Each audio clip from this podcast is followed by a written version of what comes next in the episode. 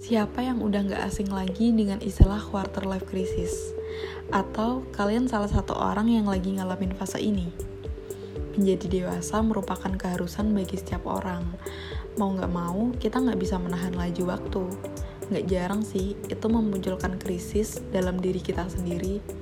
Oleh karena itu, yang bisa kita lakuin hanyalah mempersiapkan sebaik-baiknya masa dewasa tersebut Salah satunya dengan cara mengenali ciri dari fase quarter life crisis.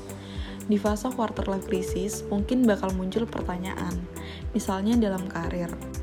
Apakah aku ngelakuin kerjaan yang bener-bener aku sukain? Rasanya kok bosen banget ya ngerjain hal yang itu-itu aja. Pertanyaan semacam ini mungkin terus menghantui kamu dalam sehari-hari mulai dari saat kamu bangun tidur, bekerja di kantor, sampai balik lagi ke rumah untuk istirahat. Dari situ, quarter life crisis mungkin akan membuatmu merasa kayaknya hidupku cuma buat nyenengin orang lain doang deh. Alhasil, kamu mungkin jadi mulai mempertanyakan apa sebenarnya tujuan dari hidupmu. Untuk apa sih aku menjalani semua ini kalau aku nggak bahagia?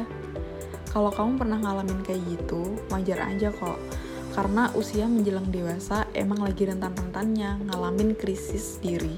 Mungkin dari kalian banyak yang penasaran dengan istilah quarter life crisis. Coba aku jelasin ya, maksud dari gimana cara ngehadapinnya. Mungkin ketika kalian dengar istilah quarter life crisis, kalian bakal mikir, emangnya ada ya quarter life crisis itu? Palingan cuma buat nakut-nakutin orang aja nggak sih?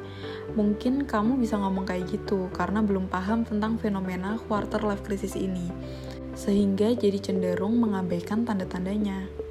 Quarter life crisis adalah periode pencarian jati diri yang biasa terjadi di usia 25 sampai 30 tahun. Biasanya, krisis ini ditandai dengan munculnya kebingungan serta kebimbangan akan hidup. Salah satunya disebabkan oleh banyaknya pilihan hidup yang harus dipilih. Quarter life crisis dinilai berdampak pada 86% kaum milenial yang sering merasa tidak nyaman, kesepian, serta depresi dalam hidupnya. Tapi terlepas dari itu, fase ini merupakan suatu hal yang penting untuk dialami seseorang. Salah satunya guna mengenali diri secara lebih mendalam serta mempersiapkan berbagai kemungkinan yang ada di masa depan. Tapi, quarter life crisis bukanlah sesuatu yang harus kalian takutin.